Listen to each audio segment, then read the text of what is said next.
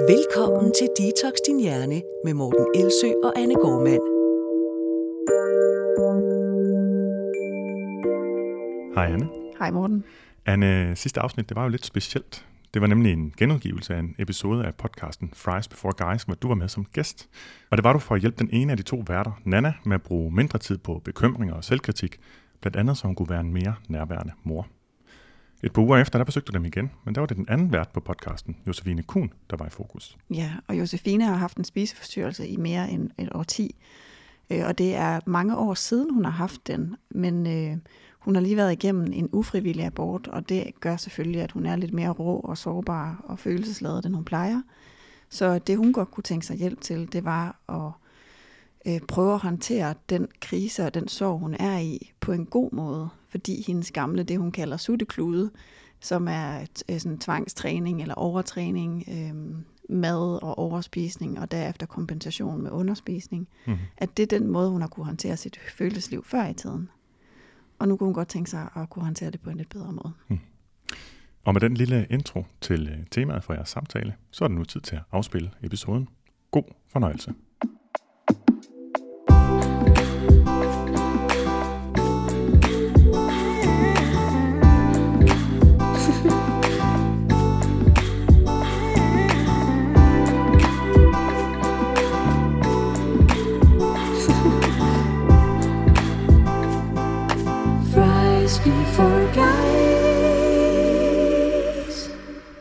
Velkommen til et perfekt mashup mellem Fries Before Guys og Detox Din Hjerne. Og velkommen til dig, Anne Gormand. Tak skal du en gang. Vi skal jo videre i det her øh, 30-års krisetema, som vi har kørt i Fries Before Guys. Sidste gang var det mig, der var på Brixen. Det må dig, man skulle sige, Anne, Nana. Hvor vi talte om bekymringstanker. Og i dag så er det Jose, der er i terapi. Øh, vi skal jo øh, skabe et trygt terapirum sammen, alle tre. Og øh, Anne, vil du ikke forklare, hvad det er, vi skal igennem i dag? For det er jo øh, faktisk din dit, dit sådan hovedemne, eller hvad kan man sige, din ja. métier, som vi siger i podcast. Ja, jamen det er et godt ord for det. Jamen, øh, altså det, som vi skal tale om i dag, det er jo det, som I talte om i sidste episode, og den lyttede, fik jeg jo lov at lytte til, øh, inden at den udkom. Ja, det var mine, altså Joses øh, råd til mit yngre jeg, ja. fra jeg var 20 til 30. Nemlig. Og i den, der, øh, der taler du jo om jo det her med, at, øh, at have haft en, en spiseforstyrrelse og et forstyrret mønster, og så lige nu at være i en livskrise, hvor de mønstre vender tilbage. Og det er det, jeg arbejder med. Det er, hvad er det, der skaber øh, de her forstyrrede spisemønstre? Hvad er det, der gør, at man får trang til at overtræne og underspise og overspise? Hvad er det i virkeligheden, øh, hvad skulle jeg sige, manifestationer af, eller symptomer på, eller hvordan man vil forklare det? Og så kigge på, jamen, hvad gør man så? Altså, hvad er alternativet så til de strategier, når det er dem, der man plejer at bruge, men som man ikke har lyst til at bruge nu? Og, øh, og den måde, altså grunden til, at jeg arbejder med det, er, at jeg egentlig jo kommer fra en, sådan en ernæringsfaglig baggrund, til dem, der ikke lige har hørt vores sidste mashup, øhm, men, men har arbejdet de sidste øh, 20 år med forstyrret spisning og krops, kropskritik, øhm, og underviser i, hvordan man hjælper andre til at, hvad skal man sige, finde bedre håndteringsstrategier sådan så mad ikke er det, der bliver ens måde at håndtere ting, eller øh, sultekure. Så, øhm, så det, jeg glæder mig rigtig meget til bare at tale om det. det. For mig er det lidt ligesom en dag i klinikken, skulle jeg til at sige. Mm. Det synes ja. jeg lyder så dejligt. Altså, jeg tror, mit udgangspunkt for ligesom at... Og det var faktisk tilfældigt, fordi når jeg tænker over, så ved jeg godt, at det er jo det, du laver. Men det var ikke med udgangspunkt i det, at jeg tænkte, det er, den, det, er det, jeg kunne tænke mig at lægge mig på briksen med. Fordi det er faktisk noget, der kommer dybt indefra, øhm, og noget, som jeg har bemærket flere gange. Altså, jeg var jo syg med en spiseforstyrrelse, de, de er jeg, der ikke ved det, af den ene eller den anden årsag, faktisk fra 10-11 års alderen, mm. kan jeg se mine dagbogsoptegnelser, som jeg lige har også været tilbage i, hvor der står sådan, jeg har været på min første kur, og jeg har tabt 6 kilo, og sådan noget, der var jeg 11. Øhm, Ej, og, øh, og så ind til omkring 20 års alderen. Og så har jeg haft øh, de her 10 år fra 20 til 30, hvor jeg har været i, hvad jeg vil kalde for en form for recovery-fase. Øhm, og den har taget øh, lige så lang tid, og er, altså, er nok måske måske er den stadigvæk i gang, som selve sygdommen fik lov at mm. øh, rasere.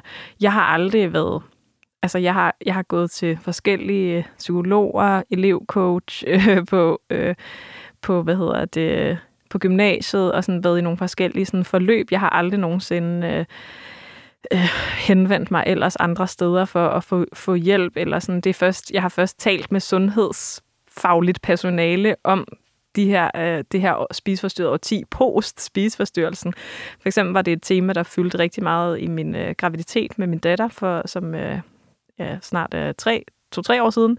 Jeg var gravid med hende, øhm, og det har været enormt specielt, det her med sig at tage noget seriøst så lang tid efter, mm. øh, som jeg jo godt var klar over fandtes. Altså det har, jeg har både haft flere år med daglige opkastninger bulimi, og jeg har haft år med underspisning. Jeg har virkelig sådan flyttet med alle forskellige former for måder, man kan kontrollere, eller sådan...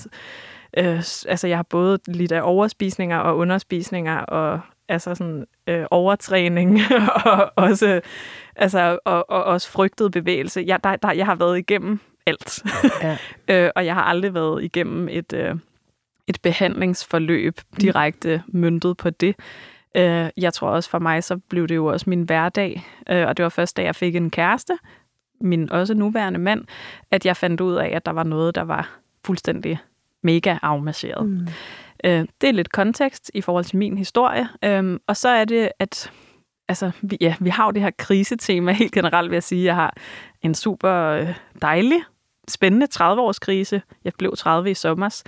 Øh, oven i det, så, så er, er der jo øh, et liv, der går op og ned, og der er noget af det, som jeg har bemærket, og som jeg nævner i slutningen af sidste uges episode med min råd til mit yngre jeg, at hver gang, at mit liv går ned, så popper der nogle slags øh, djævle op på mine skuldre. Mm-hmm. Og de vil gerne sådan viske til mig, hvordan jeg skal komme igennem en svær, den her svære periode. Og det var for eksempel noget, der var mange af de djævle under min graviditet. Og så var der senest nogle af de djævle, der dukkede op igen der i sidste uge, hvor jeg, som jeg også fortalte om i øh, sidste uges øh, episode af podcasten, at jeg lige har været igennem en medicinsk abort i forbindelse med en mist abortion, altså en graviditet, der er gået til, men som kroppen ikke spontant har aborteret, og så man så opdager til en scanning, at det er ligesom, øh, der ikke er noget liv derinde, og så øh, skal man så, så skal man have det ud på en eller anden måde. Og det er ikke fordi, at nu kan jeg mærke, nu er, nu er jeg lige lidt længere væk fra det, end jeg var, da vi optog, Nana. Mm. Det er ikke fordi, at jeg er sendt ud i en kæmpe krise på grund af det, men det er alligevel noget, der gør, at lige pludselig så vakler mit verdensbillede. Jeg bliver ked af det. Jeg kan mærke, at jeg, ja, altså, jo bliver mere følsom. Det er specielt sådan, at jeg kan mærke dagen efter, sådan, ej, at i går, der havde jeg tynd hud. Jeg har altid så svært ved at mærke mig selv øh, rigtig meget i situationer, men kan typisk forstå mig selv mm. lidt post, som jeg, som jeg er mit udtryk for det. Men også som jeg oplevede dig som ven, øh, så er det også det her med sådan, at så føler du, at det hele så er noget lort. Du ved sådan, hvis der sker en mega hård ting, så er det også sådan, så er alle andre punkter også lort. Ja. Altså. Og sådan har jeg faktisk ikke haft det nu. Nej. Det ved jeg ikke, om du kan mærke. Men jeg har faktisk haft nogle ting, jeg har været rigtig glad for stadigvæk. Og det tror jeg jo er fordi, at jeg er på vej et rigtig godt sted hen. Altså der, hvor jeg er nu i mit liv, øh, sådan med, i mit forhold til mad og til emotion, det er, at for tre år siden, der begyndte jeg at ture og øh, inkorporere øh, bevægelse igen i min hverdag. Det har jeg været enormt bange for, fordi jeg har været så bange for at komme ind i overtræning ind i det der med, at, sådan, at en løbetur kunne styre hele min uge, hele ja. min dag, hele mit, alle mine tanker. Ligesom alt det, Nana har beskrevet med bekymringstanker, det har været hele mit liv bare med tanker om mad og træning. Hvad skal jeg spise? Hvad skal jeg ikke spise? Ikke mindst se videoer af mad. altså bare sådan, når jeg ikke spiste. Kun se madprogrammer. Øh, kun se øh, ting, der ligesom alt var relateret til det. Og derfor så... Øh, og det er jo sådan, for mig har det også været sådan et fuldstændig sådan et univers, hvor der så ikke fandtes noget andet. Du nævnte også det der med, Nana, at du sådan, ah, for svært din empati bliver slækket af at have mange bekymringstanker. Det bliver sådan mm. mere egoistisk for mig. Fuldstændig samme historie med at være spiseforstyrret. Det er så alt opslugende, øh, og det er svært at gå ind i alt muligt andet, end bare sådan at fodre det. Nå. Men det, jeg så kan mærke, det er, at det, der så fik mig også til at tænke på, at at vi kunne tale om det her i dag, er fordi jeg så har haft, altså at jeg så tydeligt kan mærke, når der så for eksempel sker noget dårligt. Noget af det allerførste, jeg tænker, det er sådan, så skal jeg bare, jeg skal have så skal jeg spise fed eller sød mad, eller begge dele, Ja. fordi jeg skal trøstes. og så synes jeg sådan, så synes jeg bare, altså nu ved jeg godt, når det så sker, sådan, nå, nu er det det, der sker. Og så synes jeg bare, det er mega, mega svært som en, der tidligere har haft det som en del af et sygdomsbillede. Mm. Hvordan, altså sådan, hvad skal jeg så gøre nu, når jeg står over for de der altså, Men forskellige oplever du så, tanker? at det også tænder nogle af de gamle tanker, hvis du så har spist noget Ja, på følelser? fuldstændig, fordi så er det sådan, okay, nu har jeg så trøstet mig selv med at spise is, øh, så, så, så betyder det, at jeg nok skal enten spise, enten spise noget mindre, eller træne noget mere på et andet tidspunkt. Mm, så kompensationstanker. Ja, præcis. Ja. Ja. ja. Det, jeg får lyst til lige sådan at knytte en kommentar til noget Mhm. det, du siger, fordi når det er sådan, at du beskriver lige nu, at det faktisk ikke har hævet dig helt ned, og at der er noget andet, der fungerer. Der er noget af det, som, som man i høj grad er opmærksom på i forhold til spiseforstyrrelser, og det er, at der er disponerende og udløsende faktorer, det som sætter det i gang, altså øh, genetisk, men også sådan, hvad har man været igennem, og hvordan har blikket været på kroppen, da man var barn, og alle de her ting. Øh, men så er der også ting, som kan vedligeholde, og så er der ting, der kan beskytte. Og vedligeholdende ting vil for eksempel være, øh, at man var i et miljø, hvor at kroppen den var meget vigtig, og hvordan man så ud var meget vigtigt. Så hvis nu for eksempel du færdedes i et træningsmiljø, hvor at æstetik var i fokus, så ville det være noget, der kunne bidrage til gamle mønstre. Men så er der det, som du beskriver nu, og det er de beskyttende faktorer. Det er alt det, som vi ved, der kan gøre, at man er mindre sårbar for at falde tilbage i sit gamle mønster. Og det er blandt andet, at man har meningsfulde aktiviteter. Altså at man har mening i sit liv, og man synes, det man gør er vigtigt. Man har noget, man går op i. Så er det relationer. Altså at man har nogen, man virkelig stoler på, og som man tror på kan gribe en, og som er der for en, og som man må falde sammen overfor, og som øh, er der uanset, så man ikke er sådan frygter for at miste nogen.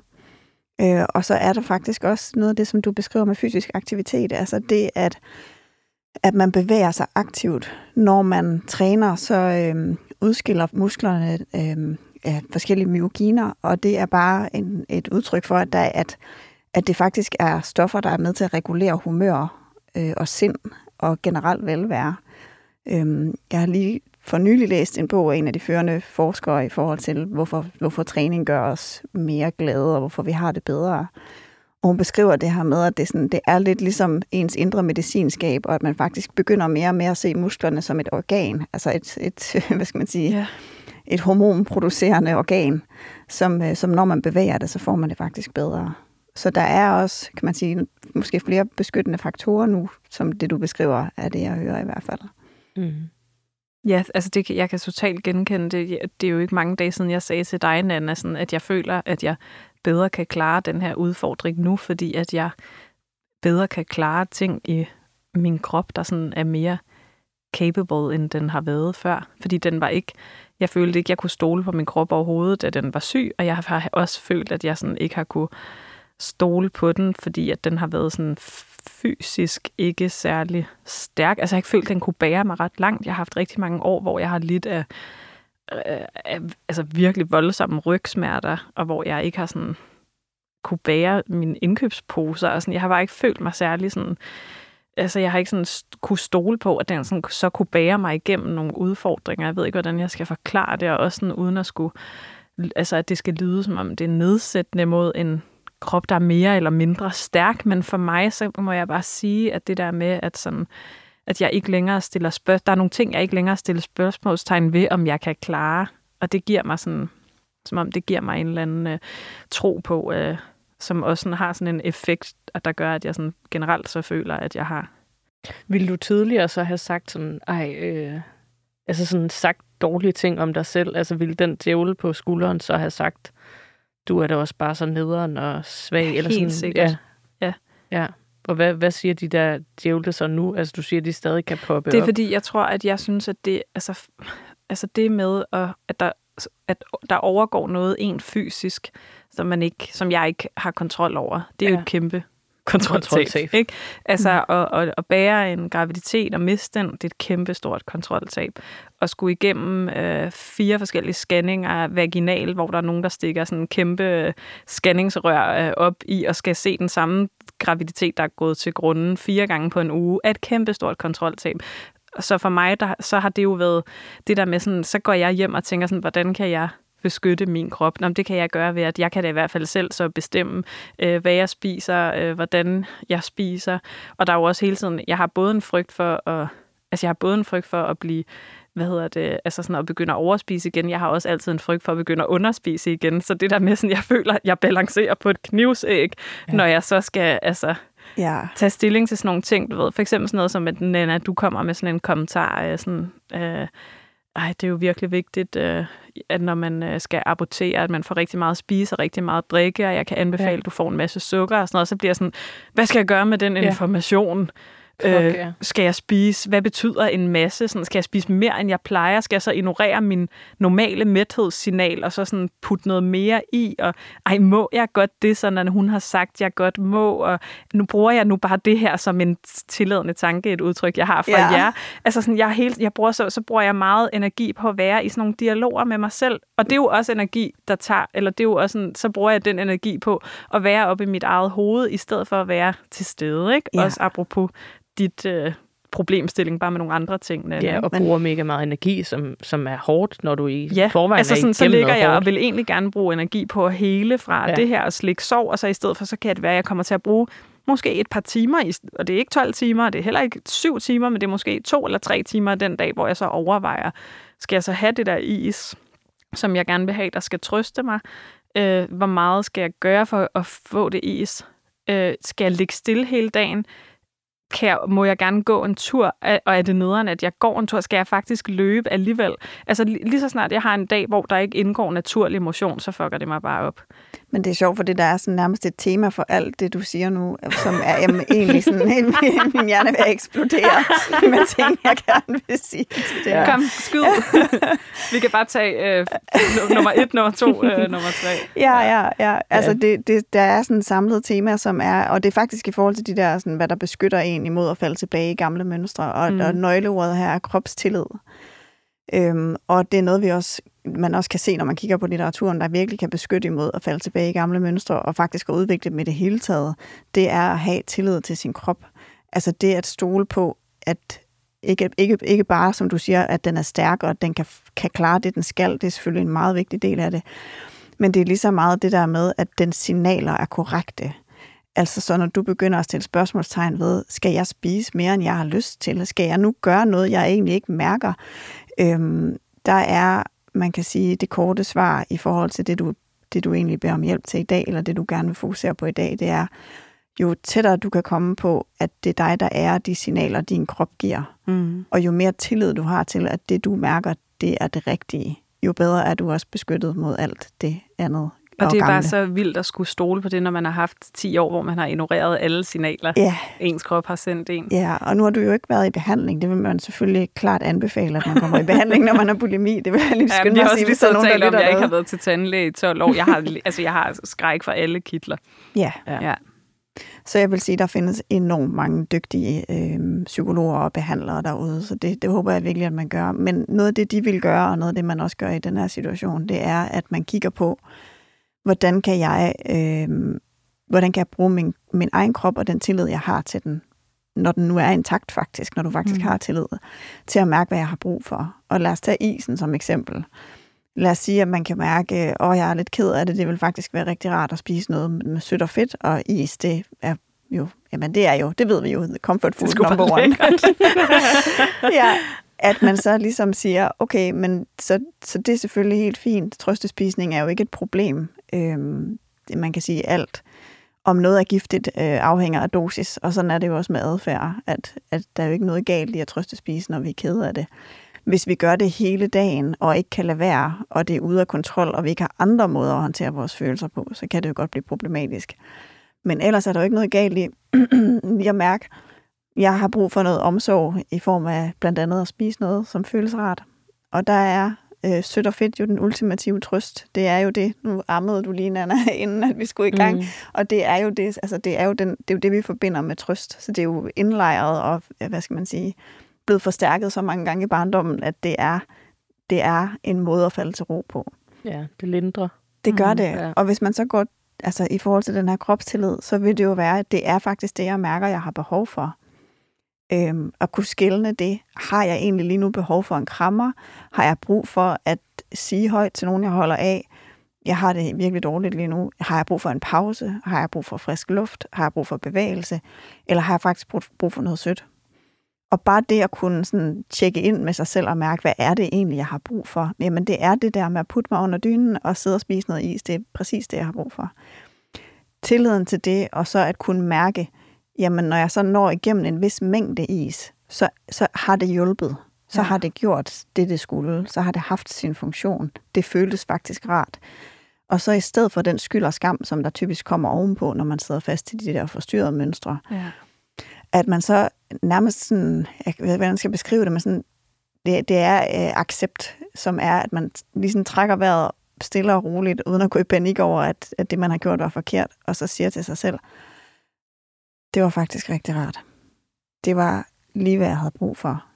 Det føltes som øh, en krammer.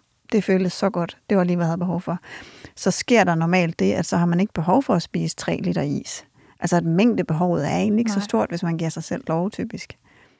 Og der skal jeg lige lave en lille disclaimer, fordi for nogen der er det det med at blive fyldt op. Ja. Altså der er, det, der, der, der er det den store mængde mad, og at blive fyldt op i kroppen så meget, at hjernen slukker. Ja, og det kan jeg genkende fra tidligere. Det, det, men det er ikke en, øh, altså det er ikke ligesom, det er ikke en udfordring, jeg støder på længere. Nej. Men jeg har så også en frygt for at være, for, være mæt for meget. Ja.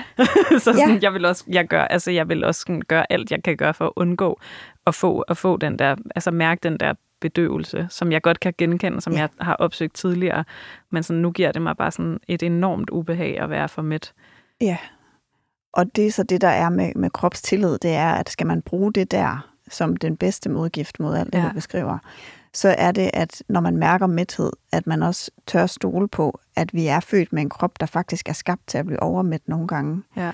Altså sådan, nu talte vi lidt om savannemennesket sidste gang, og jeg er jo ikke, jeg er jo ikke hverken øh, biolog eller, hvad skal man sige, øh, evolutions noget som helst.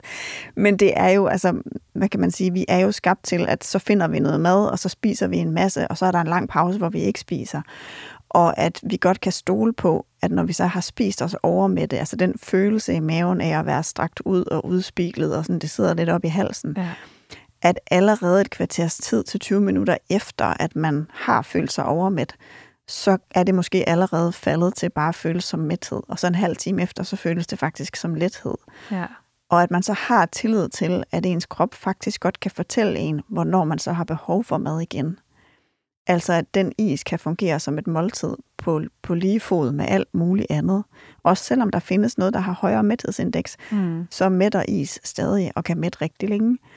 Så at man har den der tillid til, jamen, jeg spiste det for at trøste mig, men hvis jeg er urolig for, at min krop så ikke kan håndtere det, eller det betyder, at uh, jamen, så tager jeg jo helt vildt meget på, så er modgiften den tillid, som er, jeg kan stole på, at hvis jeg er sulten igen om lad os sige tre timer, så var det den mængde is, der skulle til for at opretholde min krop i tre timer, og det aktivitetsniveau, jeg havde.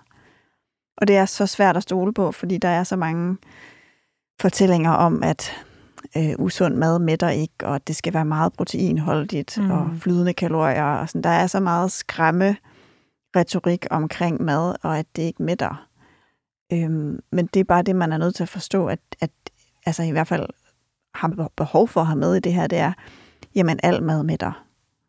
Jeg kommer til at tænke på amning for eksempel, når man siger flydende kalorier ikke mætter. Altså, hvor lang tid er et barn mæt, når det kun har drukket mælk? Tre det kan timer. godt gå tre timer. Ja. ja. Så selvfølgelig kan vi blive mæt øh, af, af andet end øh, kylling og broccoli. Det ville være mærkeligt andet. Øhm, at noget mætter mere end andet, betyder ikke, at det ikke mætter. Så den der tillid til, jamen det kan godt fungere som et måltid, og selvom funktionen var trøst, jamen så kan jeg godt stole på, at min egen krop nok skal sige til, når jeg har brugt det brændstof. Og for nogen kan det bare være et støttehjul, eller et eller andet at læne sig op af, når man går i panik, eller når man bliver urolig, eller når man tænker, nu skal jeg også løbe, eller nu skal jeg også kaste op, eller altså det kan være det, der kan gøre, at man kan være i det, uden at kompensere. Mm. Jeg ved ikke, om det giver mening for jo, dig. Jo, jo, det giver, det giver god mening. Det er også alt det der med at, ligesom at få sætte nogle andre ord på nogle ting, som jeg måske selv har tænkt, men i en anden, en anden form. Ja. Altså, det kan også give sådan, det at høre nogen, en ekspert udtale sig, det giver sådan, det føler jeg sådan, så validerer det noget, min oplevelse, hvis det giver mening. ja. Ja. Men er det ikke også svært nogle gange, det der med sådan, du ved jo ret mange af de her ting, eller sådan, du har de der værktøjer inde i hovedet. Kan du så nogle gange tænke sådan, men har jeg egentlig styr på det? Eller sådan, du ved, men, men, men altså, gør jeg egentlig det rigtige? Eller sådan, du ved, få sådan en, Ja, altså når det, tingene ryger lidt ud af, af, du ved, de faste rutiner og sådan noget. Ja, altså det, det, øh, jeg, det kan jeg godt genkende, altså også fordi, at det er jo sådan, altså for eksempel da jeg var gravid, så havde jeg, fik, så havde jeg svært ved at falde i søvn om aftenen, øh, altså i min forrige fuldbyrdede graviditet, øh, fordi at, at så, så havde jeg bare så mange sådan katastrofetanker, eller sådan, jeg synes, det var så svært at finde ro. Mm. Øh, og, så, og så havde jeg sådan en vane med at ligge og tænke på, hvad jeg havde spist hele dagen. Og så kan jeg huske, at jeg fortalte det til sådan, øh, øh, den øh, overlæge, øh, hvor jeg gik til sådan nogle øh, kontrolvejninger, øh, øh, vejninger, øh, scanninger, undskyld. Øh, og så var hun sådan, det sker der ikke noget ved. hvor, hvor jeg var sådan, hun sagde sådan, jeg synes ikke, det lyder som om, det er farligt, at du så tænker på det. Eller sådan, og så var det som om, at det var, sådan, det var bare slet ikke det, jeg havde forventet, at hun ville sige. Og så blev jeg, så kan jeg godt blive sådan helt, øh, så, bliver, så kan jeg godt, hun var jo heller ikke, hun havde jo slet ikke speciale i, og sådan noget. Det kan også være, at hun sagde det er helt forkert, det er ikke for sådan at sige, at der var noget rigtigt eller forkert. Men jeg kan godt nogle gange sådan tænke, hvad fanden skal man egentlig stå på for et ben, når man skal, ja. når man skal finde ud af. Sådan, fordi jeg kan også nogle gange blive enormt bange for, at faktisk noget, jeg kan godt blive paranoid for, om der er nogen af mine nærme, der kigger på mig, og så sådan mistænker, ej, nu er du nok i gang med, eller sådan, hvordan spiser Jose, eller hvordan bevæger hun sig egentlig i øjeblikket, altså sådan, og det er virkelig en ubehagelig. Nå, altså sådan, jeg kan så også mærke sådan, overvåget. der er sådan, så er der nogle af vores lyttere, der har skrevet til mig sådan, jeg er sgu bekymret for dig, jeg kan se, du har tabt dig. Så føler jeg sådan, ej, der er nogen, der sådan følger med i, hvordan jeg ser ud på en måde, hvor at de så sådan, tror, de ved, tror I ved noget af mig? Ved I noget af mig, jeg faktisk ikke ved? så Ja, kan jeg ja, også få ja. det sådan, det er det, jeg mener med sådan, at, at, at jeg kan virkelig godt blive forvirret over, om jeg, altså, at det kan være svært at, at altså man kan sådan tænke, kan det virkelig passe? Kan jeg godt bare være, kan jeg godt få lov bare at være en pige, der løber, eller en kvinde, der løber? Mm, ja. og så faktisk er det bare det, jeg gør. Og så er der... Kan jeg godt have tillid til, at Ja. det ikke er... er fordi jeg skal, ja, adfærd, at eller det ikke er fordi, og hvorfor, og så kan jeg godt, und, altså noget, altså jeg kan bare ikke have, og jeg har aldrig, altså jeg kan bare ikke have en god dag, hvis jeg for eksempel ligger ned en hel dag, og så kan jeg godt være- være sådan, men er det fordi, hvorfor kan du ikke det? Sådan, Vil det være hjælpsomt at have et, øh, en måde at kunne skælne på, hvornår er det her forstyrret, og hvornår er det ikke? ja, Eller og det er jo så hvornår? det, jeg så prøver sådan at se, om jeg selv kan skælne på en eller anden måde, ikke? Altså sådan, Ja. Så, øhm, så ja, altså, Ellers så stopper du mig bare, hvis, Ja. det, hvis, det, Ja, ikke er, ja, ja, hvis det ja, ikke er det, du ja. leder efter. Men, øhm, men man kan sige, den måde, man kan se det på, det er, at, at der er ikke nogen adfærd, der i sig selv er forkert eller forstyrret. Det er, øhm, det er funktionen bag, man ligesom skal tjekke efter. Så lad os sige, at du for eksempel løber en tur, så er det i sig selv at løbe, lad os sige 15 km, jo hverken godt eller dårligt. Men det er den funktion, det har for dig, man så skal kigge på, som er for eksempel, er funktionen at flygte fra at have spist is i går? Er det en form Mm. for selvstraf? Øh, Er det noget, jeg gør nærmest mod mig selv, fordi at jeg har gjort noget andet, jeg, jeg fortryder? Øhm, er det en flugt? Er det, fordi jeg ikke kan holde ud at være inde i mig selv? Er det den eneste måde, jeg kan komme af med den følelse? Så har Sådan der den, kan jeg jo godt lidt have det, at jeg kan have så meget myregrøb i min krop, at jeg sådan er nødt til at være i bevægelse, også for at kunne koncentrere mig om at lytte til ting. Ja, og, det, og, og så er det nemlig ikke helt det samme, Nej. fordi det ene, det er mere sådan, det er en flugt fra ubehagelige følelser, jeg Ja. beskriver her. Ja. Og det andet er mere, at der er et niveau af aktivitet, vi alle sammen har brug for for at trives. Ja, og det, er det, det der, sådan, og det synes jeg godt, at man som tidligere spiseforstyrret forstyrret, kan være sådan lidt out of touch med. Ja. Eller det kan jeg i hvert fald sådan, ej, hvornår er det okay, sådan det her, som jeg har det? Er jeg nu bare faktisk normal og har brug for lige noget frisk luft til hjernen? Altså, Ja, og det, det, det, det er jo så det, der er, det er, at, at gamle, en, en gammel latent spiseforstyrrelse, den kan sagtens hijacke ens Ja. agenda og være sådan, at det er bare fordi, jeg har brug for Præcis. Noget frisk luft, og det er også fordi, jeg er og sådan det et kan jeg jo menneske, huske, der... hele den der måde at lyve for mig selv og for mine Ja. omgivelser og for Ja. alle, ikke? Altså, Så det er den ærlighedstest, øh, man kan sætte sig selv i, i forhold til, til den tillid, vi også talte om før, som er, jamen, hvornår er det et forsøg på at straffe mig selv? Hvornår er det et forsøg på at flygte fra noget, jeg egentlig måske kunne håndtere på en bedre måde? Og hvornår er det faktisk bare noget, der giver mig energi? Er mit frirum øh, er et sted, hvor jeg connecter med naturen, som jeg ved, du gør? mm, øhm, hvor at det bare er noget, der lader mig op, og samtidig også er noget, hvor at, øhm, jamen det er noget, hvor jeg bevæger mig hen imod noget godt, frem for væk fra noget dårligt, hvis det giver mening. ja. Altså det er mere sådan, er det her en bevægelse væk fra noget? Er det en flugt? Eller er det en bevægelse hen imod noget? Er det noget, der er meningsfuldt for mig? Giver det mening for mig Det er at et være godt ude? billede, synes jeg. Ja. Altså det der med, i hvilken, hvad Hvilken retning peger ja, det? Ja, Ja. Men jeg kan fandme godt forstå, at det der kompas, altså for din egen kropstillid, at det nogle gange sådan er sådan, kan jeg godt stole på det? Altså Ja. når du har været syg, ikke? Så er Ja. det sådan, hvor, hvor, altså, hvordan den samtale inde i dit eget hoved, den, den forløber. Altså jeg kan virkelig godt forstå, at det må være svært at sådan tænke, Nå, men har jeg egentlig styr på det Ja. altid? Altså, ja, fuldstændig. Og det, det, der virkelig kan sådan, altså det, der kan fuck mig allermest op, det er sådan, hvis jeg sådan, altså får at vide, at sådan, som jeg fik at vide, fordi det var der, hvor det sidst sådan brød lidt ud igen, ikke? Under min, øh, min graviditet med min datter. Fordi der fik jeg jo at vide, sådan, nu skal du spise på en ny måde, som skal være sådan her, men ikke sådan her mm. i folderne og alene. Og, sådan. og det der med, at jeg så skulle finde ud af at tolke det på en måde, der var hensigtsmæssig for mig selv, samtidig med, at jeg skulle sådan forstå min nye sult, min krops helt nye signaler, signaler, jeg aldrig havde skulle høre før, som jeg frygtede at komme til at overhøre, eller jeg frygtede at komme til at gøre noget forkert. Og sådan, altså det, det, det var virkelig sådan, det var virkelig svært, mm. synes jeg. Det var virkelig sådan, det var den største øh, udfordring, der var ved det. Og det var jo også fordi, at det var noget, hvor sådan, det var bare det at skulle stå i en situation, hvor at, at min krop skal gå igennem noget, som er det her kontroltab. Af sådan det største sygt. kontroltab. Det er det største kontroltab, som din jordmor altid sagde. Ja, Ikke? ja. Det er også det der med, at der står jo en formynderisk, øh, altså der står jo en, altså, En og- institution, en og institution og, dig. siger til dig, Ja. prøv at høre, du skal, du skal ikke spise for to, øh, du skal få inkorporeret grønt i din kost og alt muligt. Altså, hvordan Ja. skal man så tolke på det? Ja, og sådan, man kan jo, altså det her med sådan BMI, og altså, det er noget, altså, det, altså jeg havde jo ikke vejet mig i mange, mange år på det tidspunkt, ikke? Og sådan, så lige pludselig skulle jeg vejes igen, og nu har jeg sådan, nu har jeg også vejet mig her for et par måneder siden, og, sådan, og så bliver jeg også så bange for sådan, vejede jeg mig så, fordi jeg sådan vil tilbage til noget, eller har jeg vejet mig nu, og så var det egentlig okay neutralt? Altså sådan, sådan nogle der, så kan jeg bruge mange, meget tid på at være oppe i mit eget hoved med, øh, altså hvor jeg motivforsker mig selv. Mm. Ja, og jeg kommer sådan til at tænke på det, når I siger det der med vejninger, ja. Hvor man jo også kan have, altså det er jo også der, hvor der er, nogen siger, nu skal du bare spise alt det, du har lyst til, og nogen siger, nu skal du ikke sørge for ikke at spise for to, ja. men ingen siger, sørg nu bare for at lytte til din krop, den Nej. skal nok fortælle dig, hvad du har brug Præcis. for. Hvis den skruer op for din sult, så er det nok af en grund. Ja. Så er det nok fordi, at der er noget, der skal bygges, og at du er så vanvittigt smart indrettet, at der er faktisk en biologisk mekanisme, der Ja. skruer op for den sult, sådan så du får den næring, du har brug for.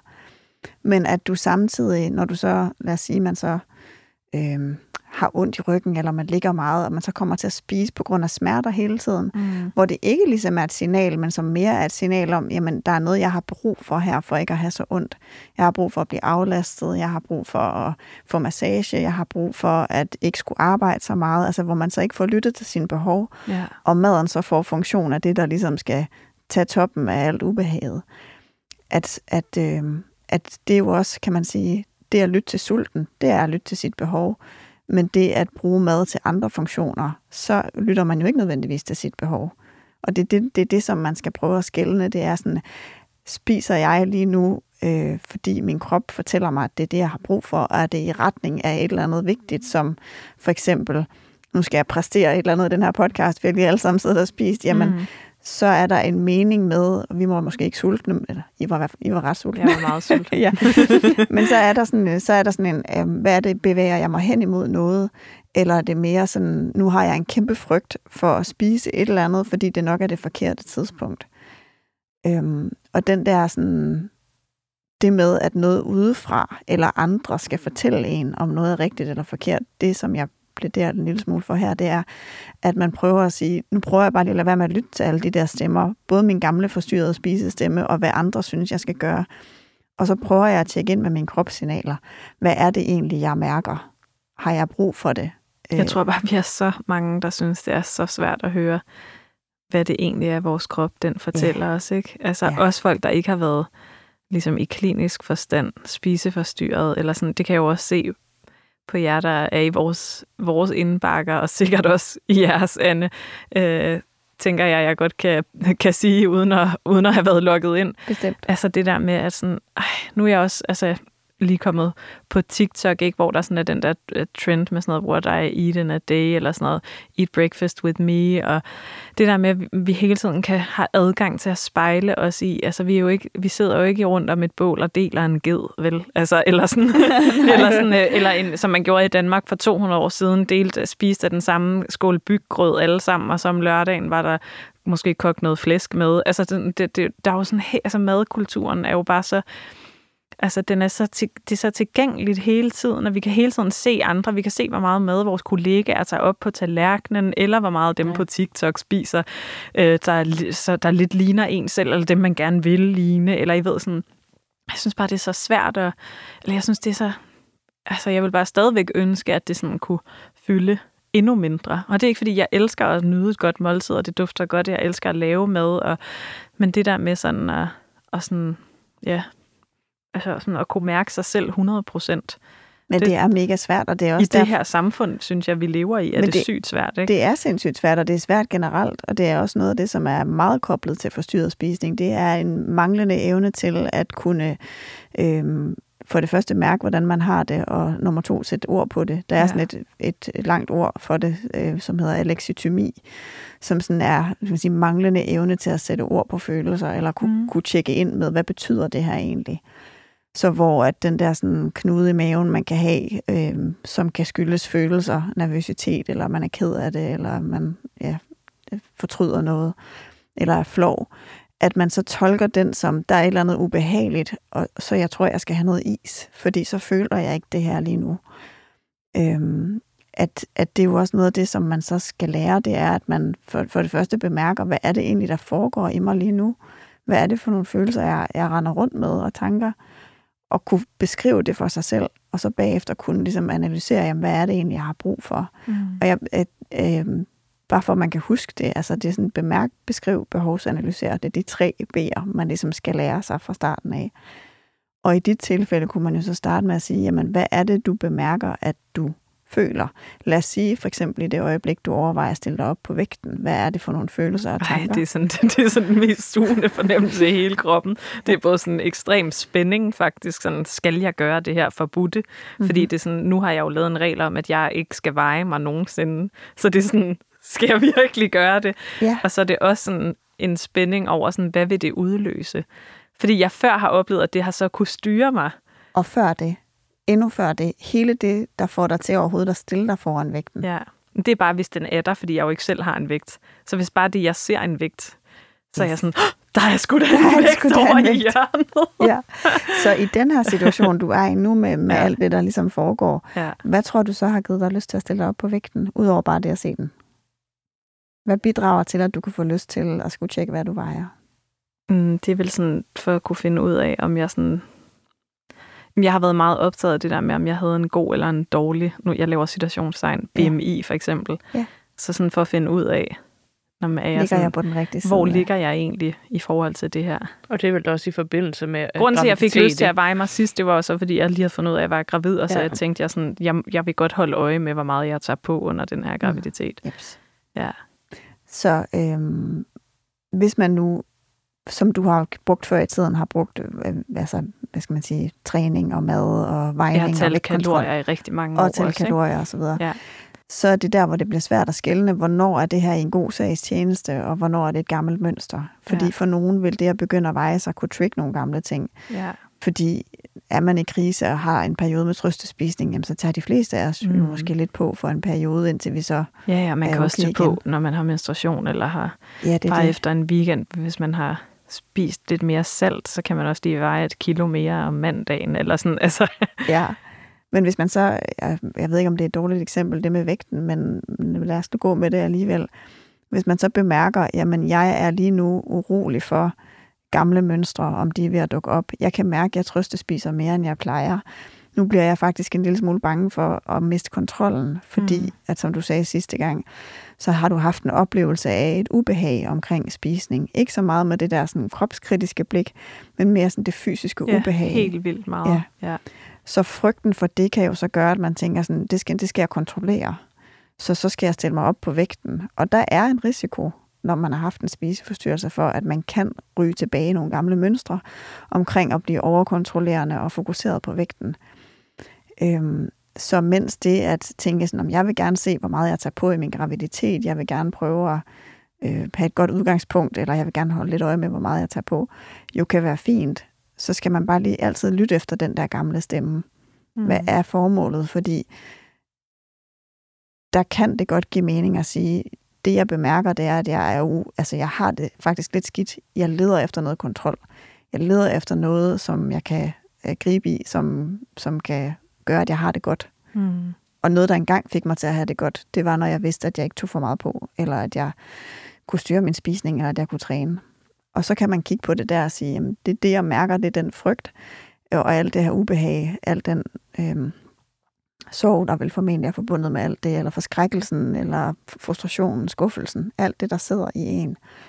Og så være sådan, men kalder det så på, at jeg skal have et blik på min vægt nu? Er det det, jeg har behov for? Ja, eller skal jeg skrive til mine venner, Ja. ej, jeg har lige fået øje, øje på vægten over i hjørnet, og Men det mig også de det, her følelser. sige. Det var jo det, du gjorde. Jeg gjorde jeg det? Ja. Nej, men jeg vejede mig bagefter. Ja, men, vi, men så fortalte jeg jer det. du endte med at gøre Det er det, rigtigt, men jeg skrev. alligevel, det var det, som jeg beder mærke i, som var noget af det første, du også sagde, det det der med, har du nogen, som du deler de der Ja, ting ja, men med? det gør jeg, ja. Og det gjorde du jo med Ja, det samme. Det er altså, rigtigt. Ja. jeg er helt med på, hvornår Ja. det var, du var Ja, ja, der. ja, ja, ikke? Altså, ja. Det er rigtigt, jeg skrev det, men jeg vejede mig bagefter, efter Ja. jeg havde skrevet det. Men det var faktisk øh, noget af det, som Det var du... en fin oplevelse. Nå, Ja. Men jeg ved heller ikke, om det så var, fordi jeg så vejede noget, jeg godt kunne tænke mig, at jeg vejede. det ved man jo ikke. det, er, det er jo det. Ja. det Men er erkendelsen af, at de der forskellige spor eksisterer, er det ikke også sådan, altså, en del af altså recovery, eller hvad? Altså Jo. sådan, at man kan Jo. se, når det er det her, der sker i min Jo, hjerne. det er Ja. bemærk.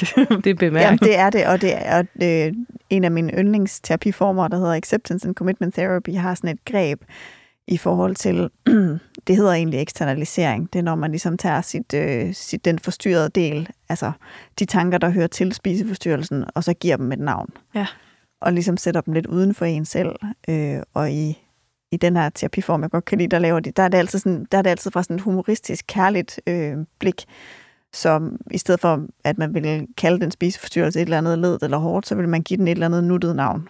Et eller andet fjollet navn måske, så man sådan, åh, oh, nu er det den, der taler. Da jeg var teenager, så hed det jo bare Anna og Mia. Og det var sådan en helt tumbler-ting, Ja, det var det. altså dengang. Ja, Ja, fordi så Anna, det er anoreksi, og Mia, det er bulimi. Og så var det jo ens gode venner, som man gerne ville invitere ah, indenfor. okay. så det var virkelig sådan. så hvordan finder vi et Ja, navn, der passer til den ven, man ikke vil invitere Ja. ind? En ven, man ikke vil se. Ja. Ja, ja altså det, men det, men det, det var er, sådan de to uhyggelige venner. ja, Det var dengang, hvor man stadigvæk øh, altså kunne, øh, altså sådan, hvor at Instagram var fuldstændig usensureret. Ja. åh oh, gud, ja. Ja, så man kunne sådan lave hele communities, der, hvor man hjalp Hvor man hinanden kunne hjælpe med at hinanden spise til at- mindre og sådan noget. Ja. det var sindssygt. ja. Altså, Altså her- sind, altså sindssygt, ikke sådan som det kliniske, eller Det var det er helt... sikkert. øh, Det var mere bare for at sige, at det var så vildt. Det har ja. ikke været en god ting, det er helt. Nej. sikkert. Nej. Men det er det der med, som du sagde, Anna, med det der med, sådan, hvordan kan jeg skælne, hvad, hvilket spor det er? Altså, hvornår er det mig, Jose, Mm. siger jeg så bare på dig, Ja. der taler, og, og, øh, og hvornår er det den stemme, der er, hvad betyder egentlig noget for mig i mit liv? Hvad Mm. er det, jeg gerne vil bruge min tid og energi på? Er det her, kommer det her fra, fra, fra mig, eller kommer det fra den del af mig, eller den stemme, der er i mig, Ja. som synes, at kontrol og vejning og øh, kompensation med træninger og mad, Mm. at, at det er en god ting. sådan så man, kan, sådan, så man lidt kan høre det. Altså, og det er også det, man som ven vil kunne hjælpe med, det er, at man siger, hvem er det, der taler lige nu? Ja. Mm. Hører du det som, som, som den gamle spiseforstyrrede stemme, eller, eller er det i tråd med den, du er nu, hvor du har sluppet det? ja. Det giver god mening, Ja. synes jeg. Mm, Ja. Men det er også sådan, det er vildt, det der ikke, altså, vi snakker om det der med sådan, at så kan du også føle dig overvåget nogle gange, og du ved sådan, jeg, jeg har det bare altid sådan fuldstændig sådan, som om du har bare styr på det hele. ja. Du ved, du har bare fuldstændig Ja, styr på dine gamle tanker, dit, øh, og Bekymringstanker. Ja, ja, ja. sådan, at, at, de, at de der ting eksisterer slet ikke for dig. Hvordan, sådan, hvordan ville jeg for eksempel kunne hjælpe dig, når de der djævle popper op? Jamen, jeg tror egentlig, at altså, jeg tror egentlig, i, i det omfang, som du allerede gør, altså når vi sådan, ja, hvis jeg får en eller anden tanke, og så skriver jeg det til dig, og så Mm. er det ligesom, Så det kan godt sådan tage vi- luften ud af de der tanker og skrive det ned. ja, altså jeg synes altid det der med, at hvis man har en ven, man kan, man kan betro sig til, det er i hvert fald noget, der altid virker for mig. Altså, det er også sådan, det er også rart at have nogen, der sådan kan, der har været, altså det, der er rart for mig med Nana, det er jo, at vi var jo rent faktisk venner dengang. Mm. Det kan også være meget rart, at sådan, fordi jeg kan også nogle gange blive lidt i tvivl om sådan, jeg har da nok, jeg har nok fundet på det hele, faktisk.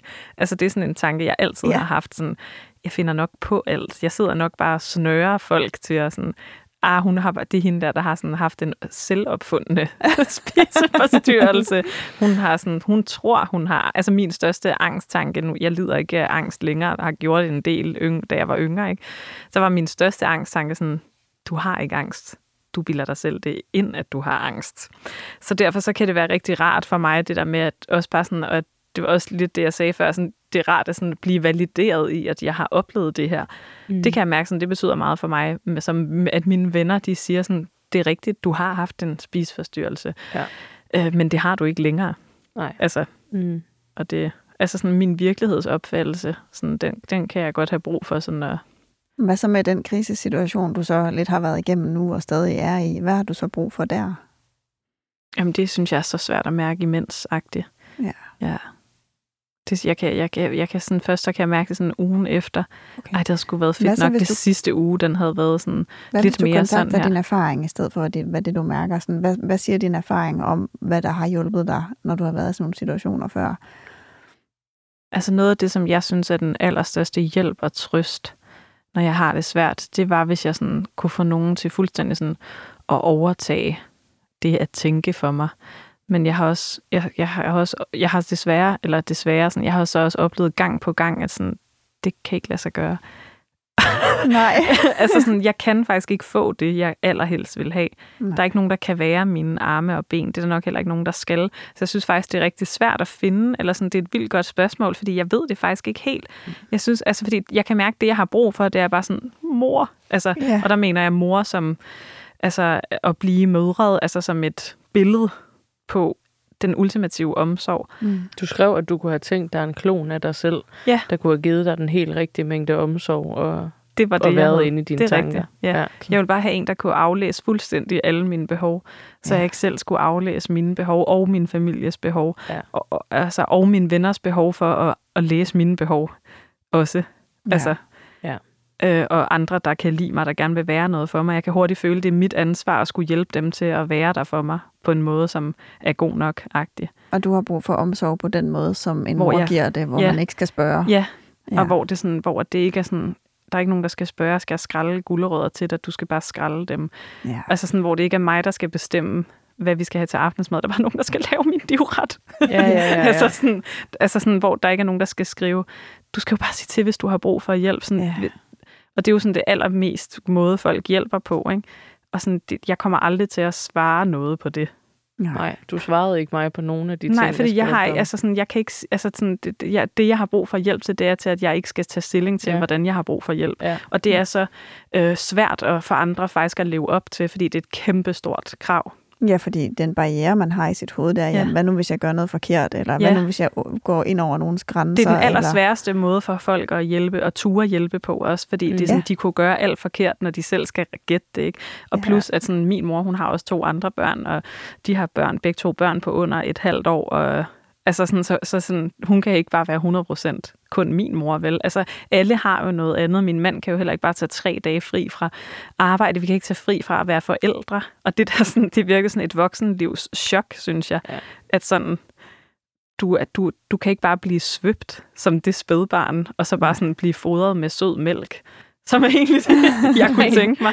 Altså, det er virkelig... Og så bliver jeg sådan... Så fylder der også altid en skuffelse over sådan...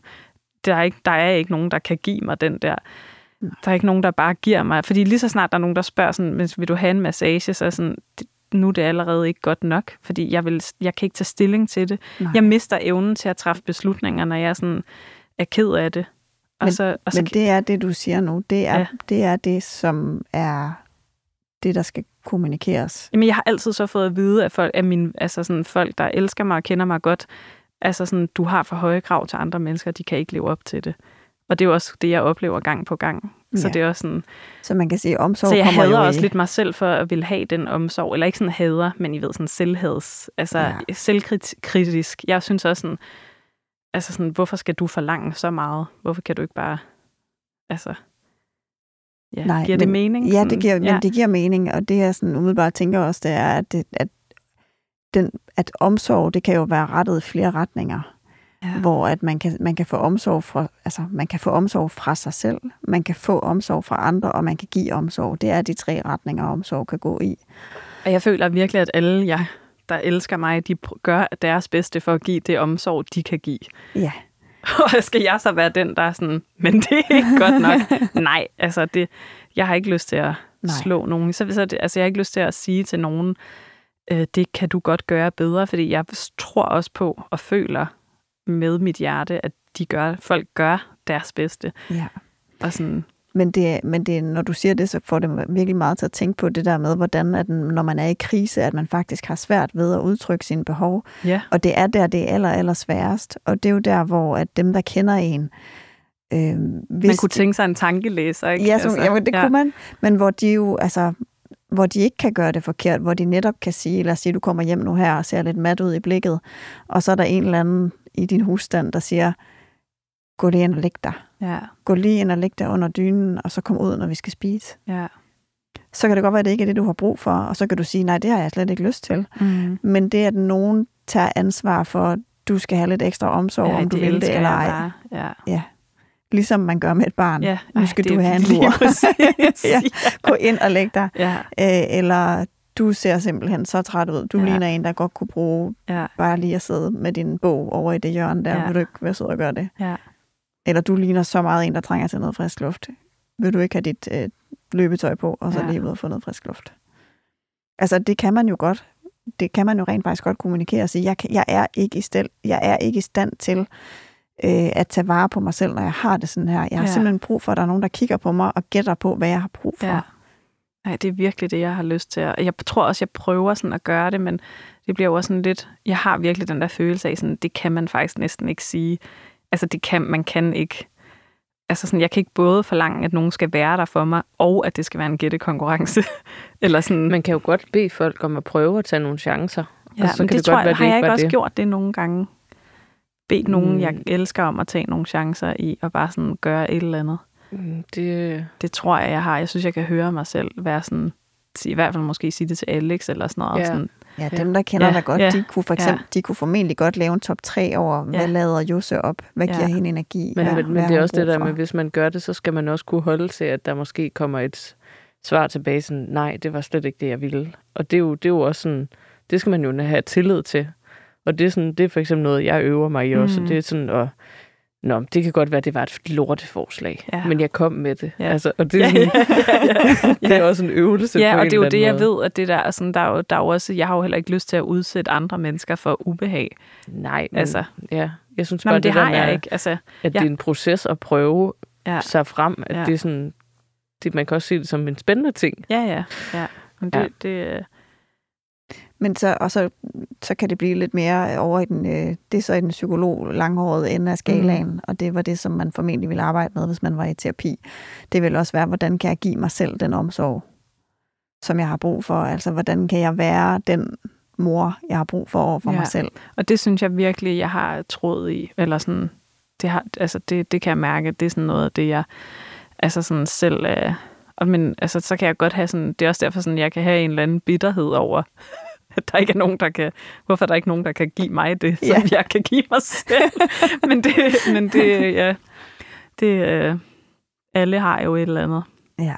Og alle kunne tænke sig, at der var nogen, der bare kunne se dem fuldstændig og give dem alt det, de havde brug for. Ja. Men øh, Men det er jo det, som, og hvis man ikke er vant til at være omsorgsfuld over for sig selv, hvis nu Ja. nogen, der lytter med, heller ikke er det, at det er jo det der med, hvor man ser det behov, ligesom man ser det ved sine børn, og Ja. gætter det på deres vegne, så kigger man nærmest på sig selv lidt udefra og ser, hold kæft, jeg er træt og udkørt og ked af det og frustreret lige nu. Jeg har brug for, at verden ikke skal noget fra mig lige nu. Jeg har brug for at, at gå ud i skoven øh, og kigge på efterårsblade og bare være lidt i kontakt med, med naturen. Det er Det det, jeg et har godt brug billede. for. Ja. Og nogle gange så kan man også tænke, synes jeg sådan, ej, men jeg reagerer jo ikke lige sådan her, som, så, så derfor så har jeg det nok ikke så skidt. Men så noget, jeg har lagt mærke til ved mig, altså som har været en rigtig stor overraskelse, og som har været helt vildt rar at opdage. Noget, jeg har bemærket, det er, at sådan en af de måder, jeg reagerer på, hvis, når jeg er i noget svært, det er bare ved at være lidt mere træt.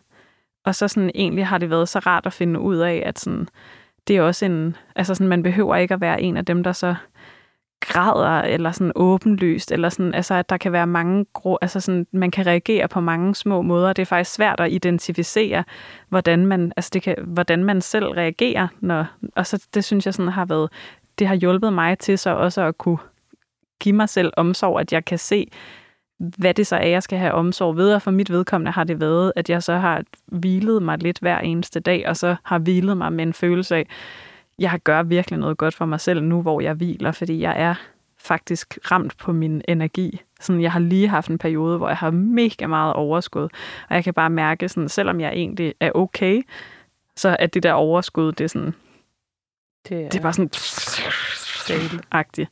Det er ikke sådan fuldstændig væk, men jeg skal kæmpe rigtig meget for at, altså sådan, det er blevet hårdere at gøre ting, hvor jeg før sprang let som en fjer. øh, og, og det er sådan, ja. så man kan jo også, altså det kan også være svært bare sådan at mærke, sådan, har jeg overhovedet nogen reaktion, hvis I forstår, hvad jeg mener. Mm.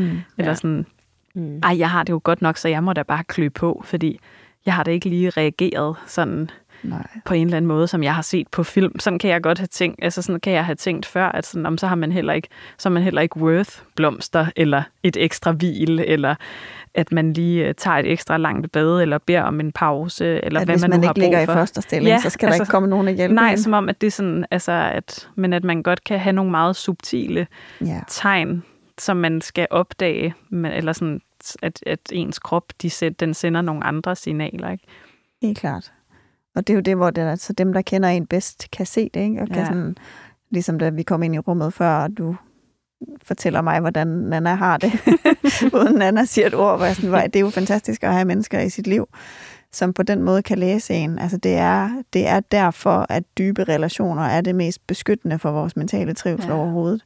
Det er fordi, det er der, hvor vi nogle gange kan, kan få det, som vi ikke vidste, vi havde brug for. Fordi nogen bare kan se på os. Du ligner en, der har behov for, at det er mig, der lige tager teten i dag. Er det rigtigt gættet? Mm. Og så gætter dem, der kender os, de gætter jo rigtigt 9 ud af 10 gange. Ja.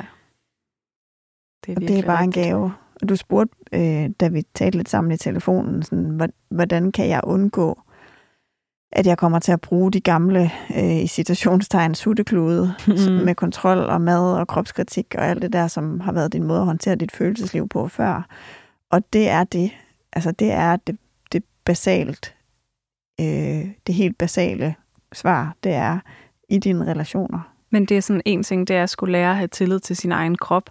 Men jeg synes, det er en endnu sværere øvelse at skulle have tillid til, at andre mennesker sådan vil bruge den tid på en, gider og sådan, altså sådan, og altså, jeg synes, det er så svært at vide, hvad, hvad man kan og skal forvente af, sådan, af ens øh, altså nærmeste, og sådan at have tillid til, hvad man må altså, forlange i en relation. Jeg tror også, det er også, fordi jeg har ligesom erfaring med, at jeg sådan har forlangt noget, folk ikke kunne give, eller forventet noget, folk ikke kunne give. Det ved du også, Lana. Eller sådan, Mm.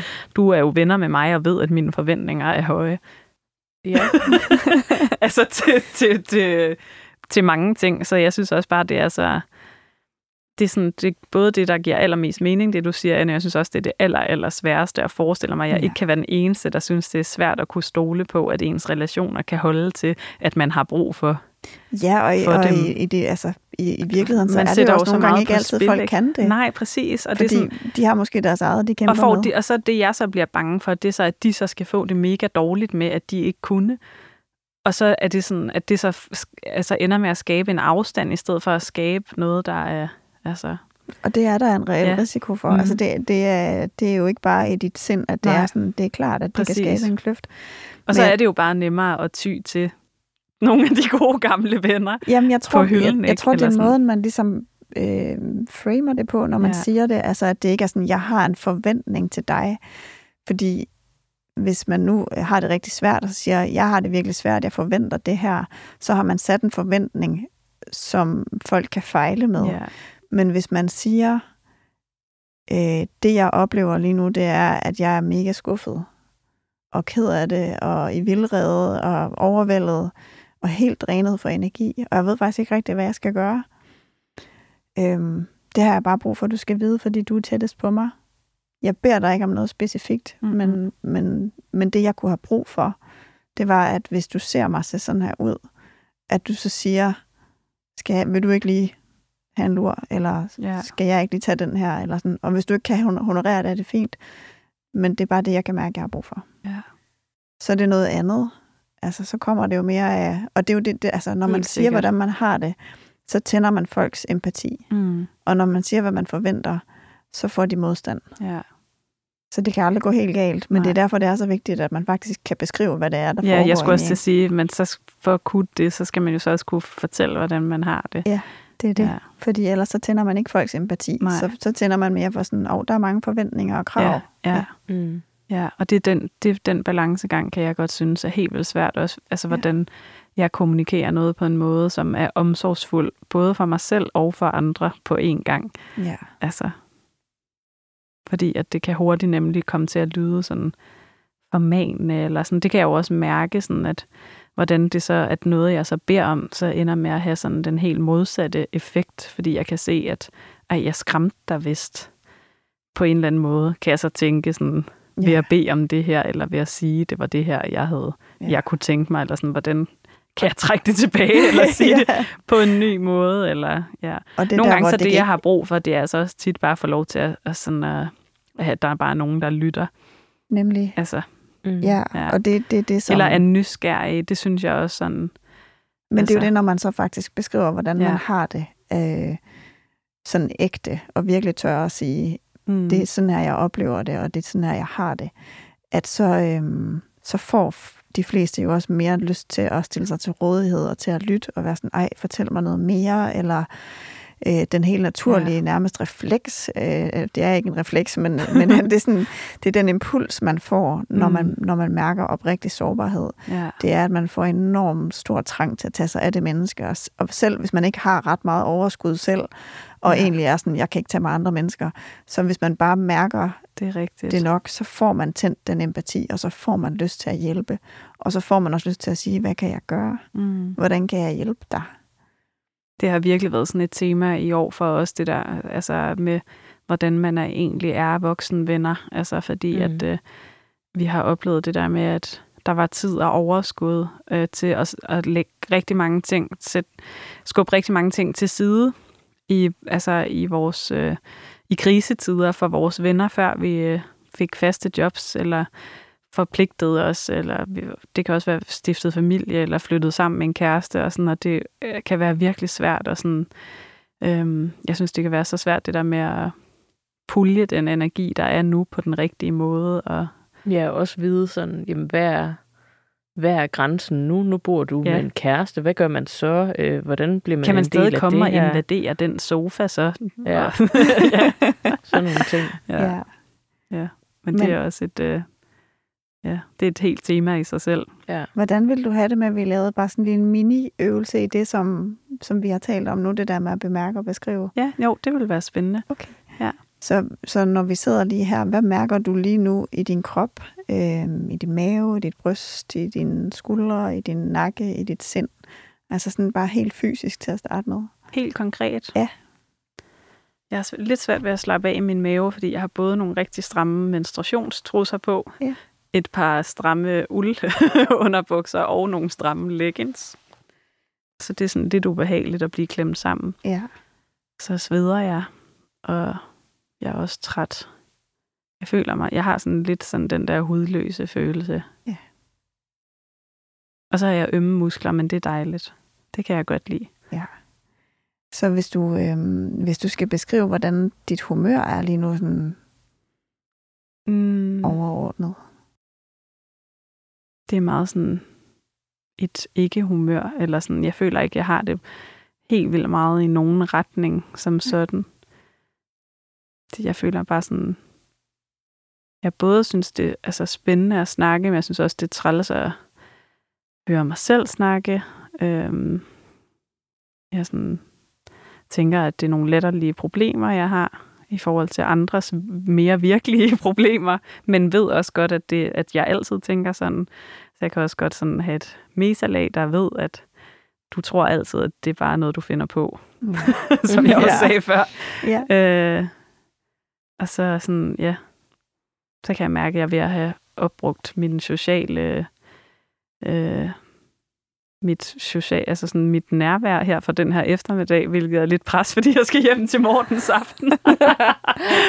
med hele det kollektiv, jeg bor sammen med, Okay, så, som er forældre og mand og søster og børn.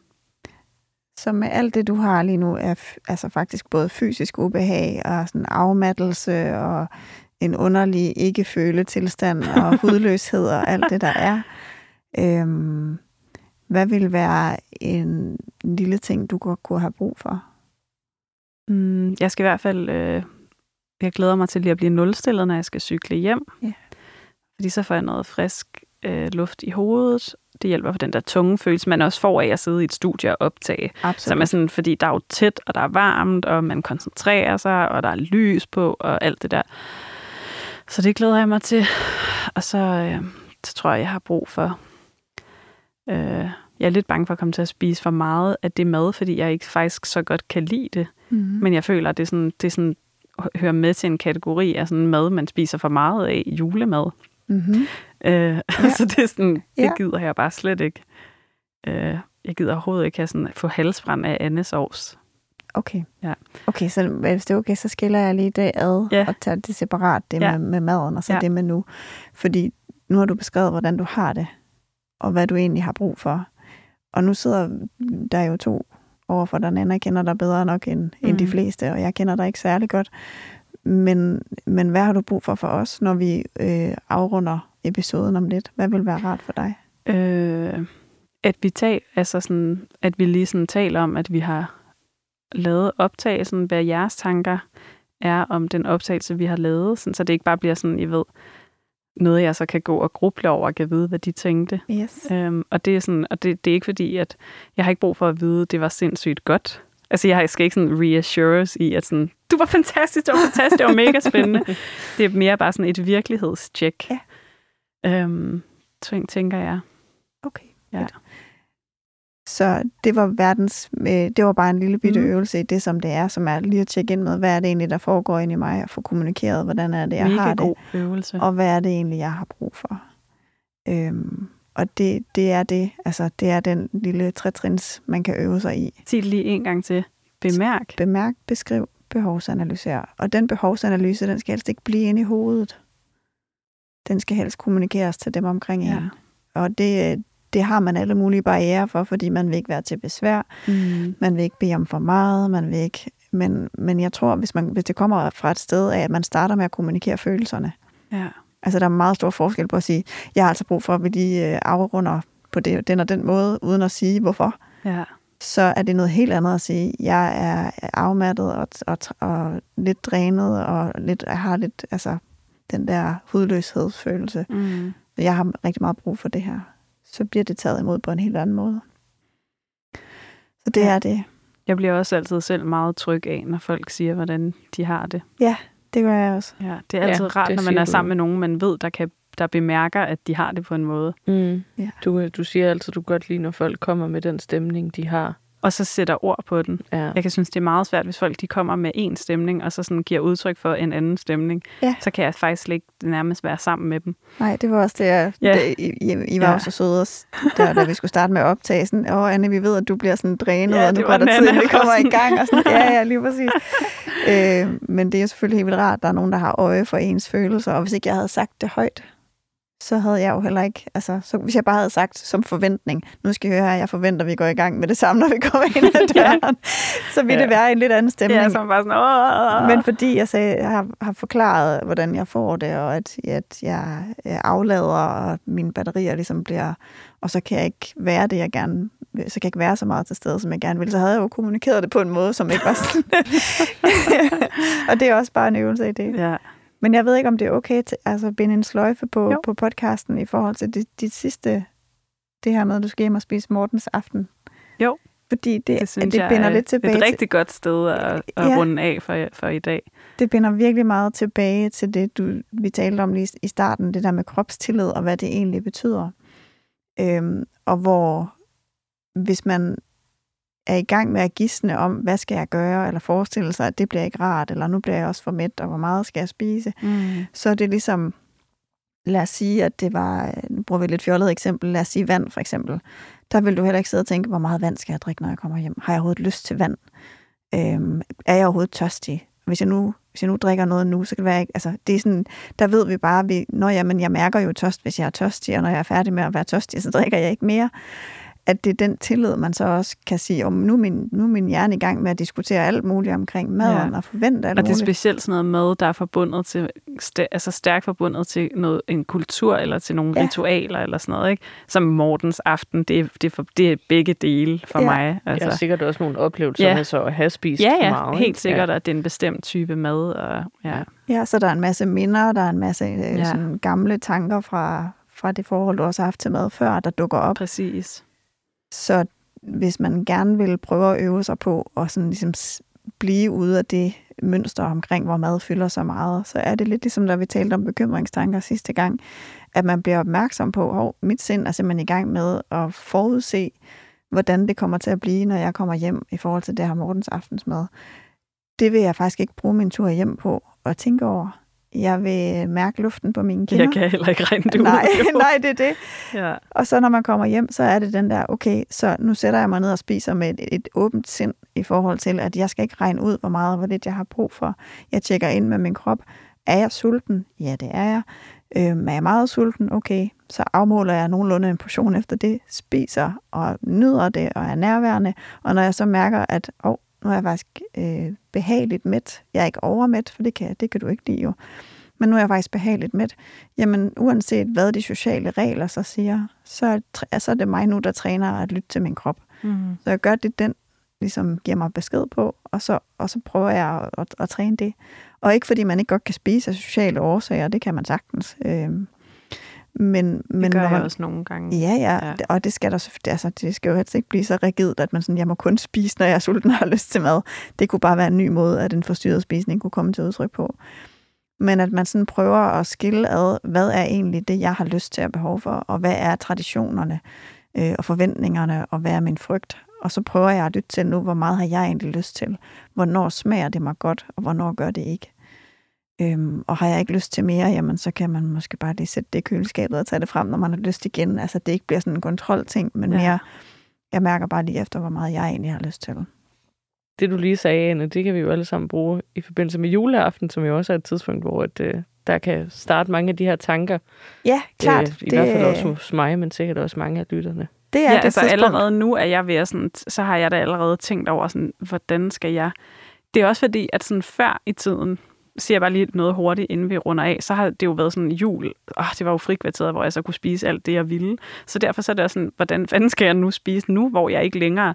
Nu, hvor, nu må jeg jo spise alt det, jeg vil, vil hver dag, hvis jeg vil. Eller hvis I forstår sådan, jeg har Ja, jo ikke ja. nogen forbudte madvarer længere. Nej. Og så kan det også være sådan helt, hvad fanden er jul så, hvis jeg ikke skal sådan Ja. spise for meget? Hvad er julen, altså, hvis ikke det der, man giver slip? Ja, og det er faktisk meget rart, det der med at kigge på, sådan, når man, hvad er mad så, hvis det ikke længere er noget, der er Altså der er faktisk, det kan, så kan der, eller sådan, hvad er juleferien? Jamen, så kan jeg, det er måske også de her ture i skoven, eller at sidde og være kreativ med mine hænder. Vi begyndte at lægge puslespil, og sådan, at jeg, der er faktisk rigtig meget, både ved julen, men også ved livet, som er, som øh, er, er rigtig dejligt at få øjnene op for, når man ikke længere hele tiden tænker, tænker på, på mad. og planlægger sin Ja. mad. Ja. Og det er, er faktisk en af de ting, som man bruger i recovery-processen rigtig meget. Det er det der med identitetsudvidelse, fordi ja. at ens fokus i livet og ens identitet kan være bundet så meget op på mad og spisning, og hvad må jeg, og hvornår må jeg, og hvornår må jeg ikke. Øh, at, at i mangel på det, så er der sådan et vakuum, Ja. som man nærmest skal udfylde med, jamen hvad er så en meningsfuld jul for mig, hvis ikke det handler om at spise alt muligt? Det er virkelig der, jeg er, Ja. har, er og nok har været måske et, et par år på min rejse. Men det, det er også noget, der kommer til at tage noget tid at skulle udfylde det vakuum. Så, Helt øh, klart. Det kan jeg også genkende meget med bekymringstanker. Ja, Ja. hvad skal jeg så tænke på? Ikke? Nu er Ja. taknemmelighed, Ja. vi prøver at køre Ja. med. Er det rigtigt? Fantastisk. Jeg synes også, du har været lidt mere god til at sige, øh, du ved, lige klap dig selv på skulderen. Ja, jeg har Ja. prøvet at sige, okay, jeg har faktisk gjort det ret Ja. godt. Du skulle rimelig sej, ikke? Dejligt. Jamen, det havde jeg faktisk, det glemte jeg helt at spørge om, fordi jeg, nu, jeg kender jo ikke jeres lyttere så godt, men jeg kunne forestille mig, fordi jeg selv er en af dem, at man godt kunne have lyst til at høre, hvordan det var gået med de der bekymringstanker, sådan, altså om, om, det, om der har været nogle situationer, hvor det faktisk er lykkedes dig at parkere dem. Jeg ved ikke, om det er okay at afrunde med det. Nu er det jo jeres podcast. Totalt okay. Øh, ja, der har faktisk været rigtig mange situationer, øh, det synes jeg, hvor jeg normalt ville have tænkt alt muligt med, så bliver den her dag nok dårlig. Hvad tænker Jose om den her dag? Hvad tænker min kæreste om den her dag? Så har jeg både prøvet at sige, at det er ikke mit ansvar, jeg gør det godt nok, og jeg har også bare sådan konkret kunne zoome ind på min krop, og faktisk tænke på, hvad jeg hvad laver jeg lige nu. Jeg sidder i den her seng. Det er faktisk meget rart. For eksempel, ikke? Ja. Så ja, det, det kan have været alle mulige forskellige typer af bekymringstanker, men jeg har sådan lykkes ret godt med så at zoome ind på min egen krop. Øh, og så, Kom til stede i det nu, du, du er i, eller var i. ja, ja, det synes jeg faktisk, det er faktisk gået ret godt. Det lyder godt. Det er virkelig bare, det er en træning, man kan ryge Mm. i. Altså, ja, man kan. Ja. Og jeg har også talt meget med min mor om det, som jeg taler meget med. Ja. Og også kunne detekte det i hende, når det sker, og sådan, vi har sådan hjulpet hinanden med sådan at Ja, ja. ja, og, hvor ja, finde det i hinanden. Ja. det har været Ja. ret fedt. Ja. Det lyder godt. Tusind tak, fordi du havde lyst til at være vores personlige coach. ja. De her øh, to afsnit, det har simpelthen været så dejligt. Ja, og virkelig, ja. virkelig spændende, og det der med at gå ned i nogle ting, der er meget, meget konkrete. Mm. Altså, og nogle af de her virkelig gode billeder, som jeg i hvert fald også kan tage med mig videre, når det hele nogle gange bliver, jeg, når jeg får sådan helt min abstrakte svæver på, ja. så er det meget rart at bare sådan at huske på Ja. de tre B'er, for eksempel. Skal vi lige have dem en gang til? Bemærk, beskriv, behovsanalysere. Yes. Den kan I også tage med. Dem kan I derude. også tage med. Tak fordi I lyttede, venner. Det var dejligt. Det var det. en god, men uvandt oplevelse. Ikke en uvandt oplevelse at snakke meget. That's everyday life for me. Ja, men, Men, det der øh, med at blive, altså være på briksen. Ja, Ja. præcis. Ja, vaneterapi. Ja, Ja. ja. ja. Tilbage er der blot at sige, Jose. Jeg hedder Josefine, Jeg hedder Nana. Og jeg hedder Anne. og du lyttede til. Fries Before Guys mashup med Detox Din Hjerne.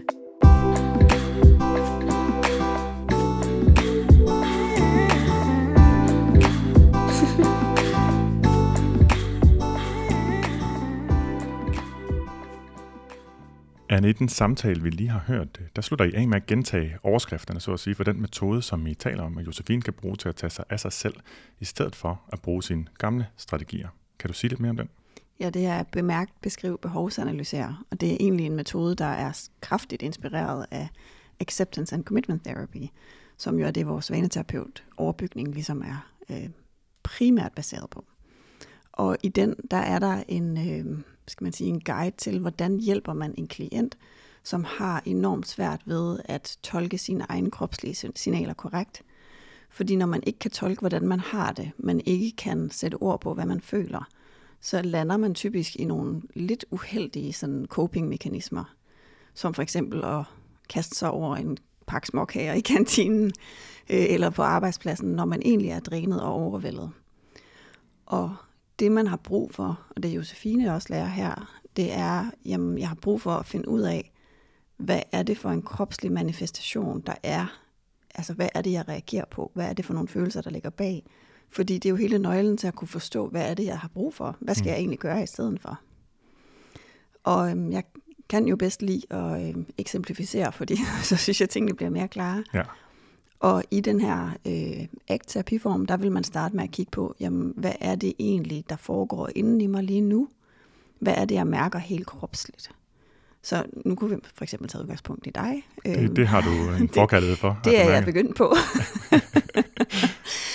øhm, lad os sige, at øh, du opdager, at du er faktisk drænet og overvældet, øh, fordi du ikke har fået taget nogen pauser. Hvordan mærker du det rent kropsligt? Det kan både være dit sind, det kan også være i den måde, du sådan fysisk bevæger dig på, eller det, du mærker inde i din krop. Hvad er dine tegn på, at nu har du faktisk brug for en pause? Jeg øh, bemærker, at, jeg har, at det er anstrengende at kigge på min computerskærm, for eksempel. Øhm, jeg har nu fået at vide flere gange af mennesker omkring mig, primært dig, at øh, nogle gange så sidder jeg med det ene øje lukket. det er den ene hjerne halvdel sover. ja, det, det siger det så til måske, måske har du brug for en pause. og, og, nu kan jeg jo så mærke det, at nu sidder jeg nogle gange sådan og prøver at kigge og prøver at fortsætte med at arbejde, mens jeg har det ene øje lukket. Og så tænker jeg, ah, det er egentlig et meget godt tegn på, at nu er jeg nok der, hvor det at arbejde er ret svært. Det der med at fokusere på et eller andet, få gjort noget færdigt, det, øhm, det, det er en ekstra hård opgave lige nu, siden jeg bare bliver nødt til at, at, at lave den øh, ansigtsbevægelse. Mm. Øhm, jeg øh, bemærker også især mine tanker på det tidspunkt. Jeg har en tendens til, at jo mere drænet jeg er, øhm, jo mere, jo sværere har jeg ved at træffe beslutninger. Og det kan være simple beslutninger, eller det lyder som simple beslutninger, det føles det ikke samme på det tidspunkt. Beslutninger om, hvordan jeg skal formulere den eller den sætning, om man skulle gøre det på den eller den måde, om det skal øh, bare sådan noget som, hvor skal det her være hen i kalenderen? Kan jeg sige ja eller nej til den her interviewforspørgsel osv.? Alt, alle de beslutninger er bare enormt øh, svære og virker som om, at det, øh, der ikke er noget øh, klart svar, og, og så, så jeg kan ikke bare sådan random vælge. Og når jeg er i den situation, hvor jeg så tænker, at jeg kan også gøre, eller min hjerne begynder at sige, jeg kan også gøre det her, det kan også være, at jeg skulle gøre det her nu, jeg skal droppe det her i gang med nu, og så prøve at gøre det her. Øhm, det har været mit sådan mest tydelige tegn på, at nu har jeg simpelthen brug for en pause. Og et lige så tydeligt tegn er sådan set den adfærd, at jeg hiver min telefon øh, frem, øhm, selvom jeg egentlig ikke leder efter noget specifikt. Nej, og det er nemlig et mega godt eksempel på det her bemærk, bemærk beskrive, behovsanalysere. For jeg tror, det er det, de fleste af os kan genkende. Der er ikke så mange, der nødvendigvis har det her forstyrret spisemønster, hvor det, de så reagerer med, det er at spise en masse is eller overtræne øh, der er det nok mange af os, der tager telefonen frem. Men det er egentlig principielt det samme. Det er, at man skal være god til at bemærke, hvad er det, der foregår inde i mig. Mm. Okay, min hjerne den kører øh, 20 km i timen. Jeg sidder med det ene øje lukket. Jeg er helt anspændt. Jeg øh, stikker af ind i telefonen. Når, når jeg bemærker det her, så har jeg brug for at kunne sætte ord på, hvad betyder det? Hvad er det egentlig, det rigtigt fortæller mig? Og det er der, hvor jeg kan ikke lide ordet budbringer, for det lyder sådan lidt, lidt for meget selvhjælpsagtigt. Men, men du har tænkt dig at sige det Men nu, jeg siger det nu alligevel af mangel på bedre, fordi følelser er, øh, de er budbringer på den måde, at de indikerer et behov. Ja. Det er det, deres funktion er. Evolutionært set, så er det deres funktion at indikere, her er der et behov, der skal tages af. Hvis jeg føler mig vred, så er det øh, typisk en indikation på, at nogen blokerer noget, jeg gerne vil have eller står i vejen for noget, der er vigtigt for mig. Det oplevede du i går, da jeg synes, det tog lidt for lang tid at beslutte, hvad vi skulle have at spise. det har du ret i. Det har nok oplevet et par gange efterhånden. Faktisk. Ja, det er lige ja. præcis, ja. Så, men det er bare for at sige, at det er jo, altså, de har jo rent faktisk en reel funktion. De er den, den kropslige manifestation af følelserne i hvert fald. Den kan fungere som sådan en form for signalsystem, man så kan tolke rigtigt eller forkert. Og øh, hvis man gerne vil tolke i bemærk, beskrive, er rigtigt, så har man behov for at kunne sætte ord på. Og det er helt vildt svært. Det kan for nogen kræve terapi. Øhm, på vaneterapeutoverbygningen, der har vi en halv dag afsat til, hvordan kan man hjælpe en klient med at kunne tolke sine følelser rigtigt. Sådan så når de for eksempel bemærker, det jeg er, det er, jeg er drænet og overvældet og udkørt. Hvad vil jeg normalt tilbyde en person, der er drænet, overvældet og udkørt? Vil jeg stikke en pakke småkager i hånden på dem? Måske. Eller vil jeg sige, hey, du har da vist brug for lidt flere pauser. Skal mm. vi ikke lige kigge på din kalender og se, om vi skal sætte lidt flere pauser ind de næste dage, så du ikke havner i den her situation igen.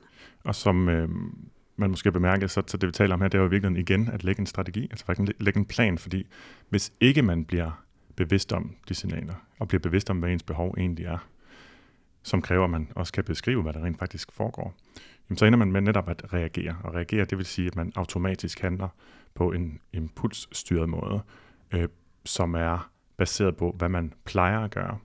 Og rigtig ofte er det måder, som ikke beriger ens liv, men som holder en fast i nogle ting, som man egentlig ikke bryder sig om. Mm. I mit tilfælde kan det være overspringshandlinger, som faktisk ikke engang giver mig en pause, men som giver mig yderligere input, hvis jeg tager ind og læser nyheder og åbner min mail, selvom jeg overhovedet ikke er interesseret i at læse min mail, men simpelthen bare for at gøre noget andet end det, jeg gør, eller går på sociale medier, så får jeg faktisk øh, overhovedet ikke dækket mit behov. Det giver mig bare en midlertidig distraktion, og så kommer der en, en, en prompte straf egentlig derefter, som for, forstærker og forværrer det, jeg egentlig sidder med. Ja, og det, det ser man i mange andre situationer også. Ja, det er jo hele grunden til, at det er så vigtigt at kigge på. Det er, fordi man kommer til at sidde fast i de her spiraler, onde spiraler. Øhm, og det, selvfølgelig er der andre hvad skal man sige, ting, man skal gøre, end at bemærke og beskrive og behovsanalysere. Fordi når man først har afdækket et behov, så skal man jo også være i stand til at tage sig af det. Og det betyder for det første, at man skal kunne mestre en form for selvomsorg. Og det er der mange, der har rigtig svært ved, fordi de ser det som et svaghedstegn. Mm. Og så skal man også kunne sætte grænser hvis man ikke har lært at kommunikere, hvad man har brug for, eller hvad man ikke har brug for, hvis man ikke er i stand til at sige fra, for eksempel for en chef, der har stillet for mange krav, man ikke kan kommunikere, øh, jeg bemærker, at jeg er drænet og smadret om aftenen, jeg kan være bekymret for, om jeg ender med ikke at kunne holde til mit arbejde, så øh, hvordan kan vi løse det? At man ikke ved, at det ikke er ens ansvar at løse det selv, at man ikke ved, hvordan man skal kommunikere det til den, hvis ansvar det er at løse det, kan jo også være en, en vigtig del af det. Så mm. grund til, at jeg siger det her, det er fordi, det er vigtigt for mig lige at understrege, at det, man hører i episoden, ja, det er en terapeutisk samtale, men det er et lille bitte udsnit, og det er et lille bitte mikroredskab, men mm. som hænger sammen med nogle andre ting, man også skal træne og lære. Og man kan sige, det kan måske tit være noget, der er sådan relativt tidligt i, en, i et forløb, hvis man kan blive bevidst om, at man skal øh, bemærke, beskrive og behovsanalysere. Så er det det, der skal øves til næste gang, og måske en længere, øh, længere stykke tid. Og så derefter skal man så begynde at finde ud af, hvordan dækker jeg så det behov, og så derefter lægge en plan for, hvordan vil jeg huske, at jeg skal dække det behov på den måde i den situation og så begynde at øve sig på det også. Det er jo sådan type adfærdsændringer, der lige, der, hvor man tager et skridt ad gangen i, i retning af, af det, man egentlig gerne vil. Men hvis man kun når første del, den her sådan indsigtsdelen af det, ja. øhm, så er det jo typisk ikke nok. Nej, det er det ikke. Og det er det, der, øh, der egentlig beskriver sådan et vaneterapeutisk forløb. Det er, at man kigger på, hvad er det for nogle vaner, jeg har, der trækker mig i, den ret, i en retning, jeg slet ikke ønsker, og hiver mig ind i, ind i et liv, jeg egentlig ikke drømmer om. Og så forvent dem om. Og det kræver, at man kan finde ud af, hvad ens behov er, og at man kan tage sig af sig selv, og at man kan kommunikere sine behov klart til andre. Så øhm, her er bare lige en opfordring til, ud fra episoden, hvis man har lyst til at bruge det her redskab på sig selv, og prøve at starte netop ved den første del af den kæde, vi lige mm. har beskrevet. At sige, jamen kan jeg overhovedet starte med at, finde ud af, hvad er det egentlig, mine behov er? Hvornår er det, jeg kommer til at overhøre dem, og hvad er det, jeg skal gøre i stedet for? Ja, og det kan man tit tage udgangspunkt i de hvad man nok selv vil definere som dårlige vaner. De ting, man egentlig slår sig selv oven i hovedet over og forbander sig selv over, man falder i igen og igen. Om det er køkkenskaben, eller mobiltelefonen, eller cigaretterne, eller vinen sidst på eftermiddagen, eller hvad det ellers kunne være, som man egentlig ikke er glad for, man har som, som øh, støtte, krykke, overspringshandling, distraktion, eller hvad det nu ellers kunne være. At tage udgangspunkt deri, og så lave processen der, gå i gang med at sige, åh, oh, hvad er det egentlig, hvad var det egentlig, der skete lige inden? Hvordan havde jeg det der? Hvad kunne jeg mærke i min krop? Hvad kunne jeg nærmest se udefra, hvis jeg kiggede på mig selv? Hvordan ville jeg se ud? Hvad skete der egentlig inde i mit hoved? Og hvad kunne du egentlig være udtryk for og behov? Start med den nysgerrige proces. Det er trin 1. Ja. For så at kunne komme videre. Og det er noget helt andet, end at slå sig selv oven i hovedet over, at man gør det. Det er at begynde at blive nysgerrig på, hvad er det, der driver den adfærd? Helt fuldstændig nøgternt logisk. Hvad er det, jeg kan se, jeg har behov for? Anerkende det behov, og så tage sig af det. Og med de ord er det tid til at runde af for i dag. Hvis du, kære lytter, kunne tænke dig at arbejde med vaneændringer, enten de fysiske eller de mentale, eller begge dele, så husk at kaste et blik på vores kurser inde på Madroinstituttets hjemmeside, madroinstituttet.dk. På vanecoachuddannelsen der bliver du trænet i et helt konkret samtaleredskab, så du ved præcis, hvad du skal sige, når du sidder over for en person, du gerne vil hjælpe. Og vil du arbejde mere terapeutisk, altså som afsnittet i dag er et eksempel på, så kan du efterfølgende tage vaneterapeutuddannelsen. Du kan som sagt læse om uddannelsen på vores hjemmeside, men du kan også altid skrive og booke en samtale med en af os, hvis du har spørgsmål. Det gør du på kontakt Så er der vist kun tilbage at sige tak for i dag, Anne. Tak for i dag, Morten. Og tak til dig, der lyttede med.